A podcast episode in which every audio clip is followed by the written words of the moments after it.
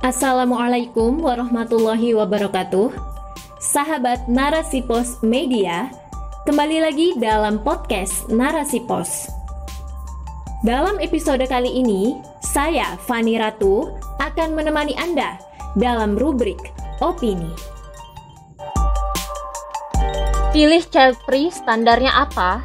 Oleh Rianisa Rio. Bulan Agustus lalu, warganet ramai memperbincangkan mengenai child free, yakni keputusan seseorang atau pasangan yang sudah menikah untuk tidak memiliki anak. Topik ini menjadi hot issue setelah dipopulerkan oleh seorang YouTuber dan selebgram terkenal yang saat ini tinggal bersama suaminya di Jerman. Influencer tersebut mengaku secara terang-terangan bahwa ia memilih kehidupan child free bersama suaminya. Beberapa artis tanah air pun ada yang menyatakan dukungannya secara terbuka mengenai keputusan child free ini. Alasan untuk child free terbilang banyak. Pertama, kedua orang tua mengaku tidak siap memiliki anak, sementara anak membutuhkan tanggung jawab penuh dan perhatian khusus dari kedua orang tua. Kedua, orang tua tak sanggup membayangkan biaya perawatan dan pengurusan anak hingga dewasa, apalagi di tengah kondisi ekonomi plus pandemi yang begitu menyulitkan seperti saat ini. Ketiga, mengklaim bahwa memiliki anak akan mengganggu hubungan romantisme dan keharmonisan suami istri, sehingga tidak lagi mesra seperti awal pernikahan. Keempat, alasan yang tampaknya idealis namun klise, yakni membludaknya populasi manusia di bumi ini, sehingga tak perlu lagi menambah populasi manusia dengan melahirkan anak.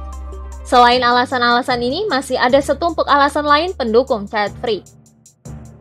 Ketika seorang manusia ingin melakukan sesuatu, maka ia akan mengerahkan seribu upaya.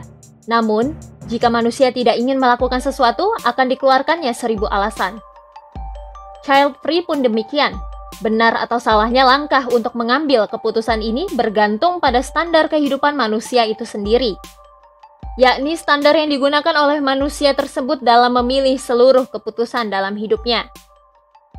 Tatkala standar kehidupan yang dianut oleh manusia tersebut adalah standar yang bukan Islam, misalnya kapitalisme sekuler, maka tentulah child free sama sekali bukan masalah baginya.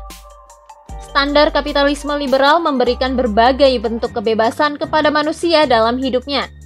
Salah satunya adalah kebebasan berekspresi.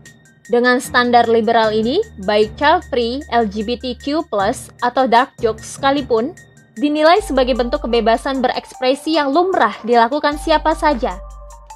Sehingga, standar ini menjadikan manusia benar-benar bebas untuk mengekspresikan dirinya serta menentukan keputusan apa pun yang dia anggap baik baginya. Karena, bahkan negara pun tidak akan ikut campur dalam urusan kehidupannya, itulah asas utama dari standar kapitalisme sekuler, yakni pemisahan agama dari kehidupan. Lalu, bagaimana jika seorang manusia mengambil standar Islam? Sederhana saja, manusia tersebut tidak akan mungkin memutuskan untuk child free. Karena asas utama dari standar Islam adalah kesadaran dirinya akan adanya Allah Ta'ala dalam setiap sendi kehidupannya. Yakin bahwa dirinya terlahir ke dunia ini memiliki tujuan, yaitu untuk menggapai ridha Allah Ta'ala mempercayai sepenuhnya bahwa setiap jengkal pemberian Allah itu pasti kelak akan dipertanggungjawabkan di akhirat, termasuk mulut yang berbicara seenaknya, juga rahim yang telah dititipkan Allah namun tidak dipergunakan untuk mengandung dan sebagainya.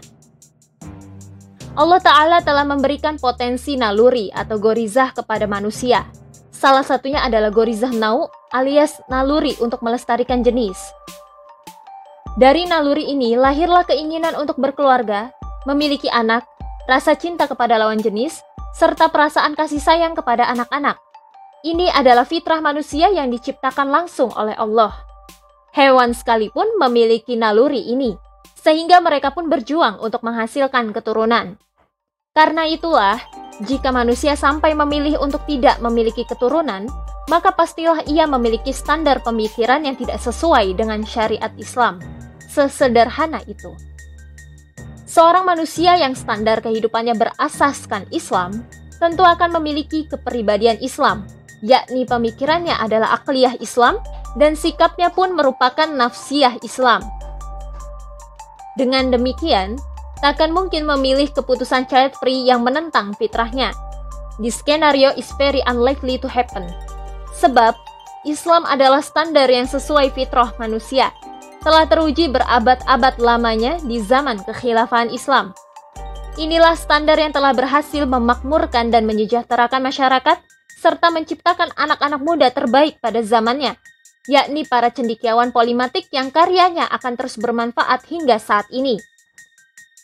Contoh saja seperti Abu Ali Al-Husain Ibnu Sina yang terkenal dengan ilmu kedokterannya, Abu Raihan Al-Biruni sang ahli astronomi terkemuka, Ibnu Al-Haythami sang bapak optik, Abbas Ibnu Firnas sang penemu pesawat terbang pertama, dan masih banyak lagi.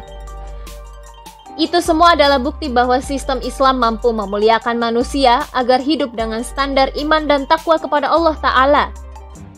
Negara pun menjamin kebutuhan seluruh masyarakat dengan semaksimal mungkin.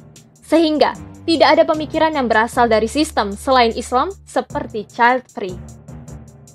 Wallahu a'lam bishawab.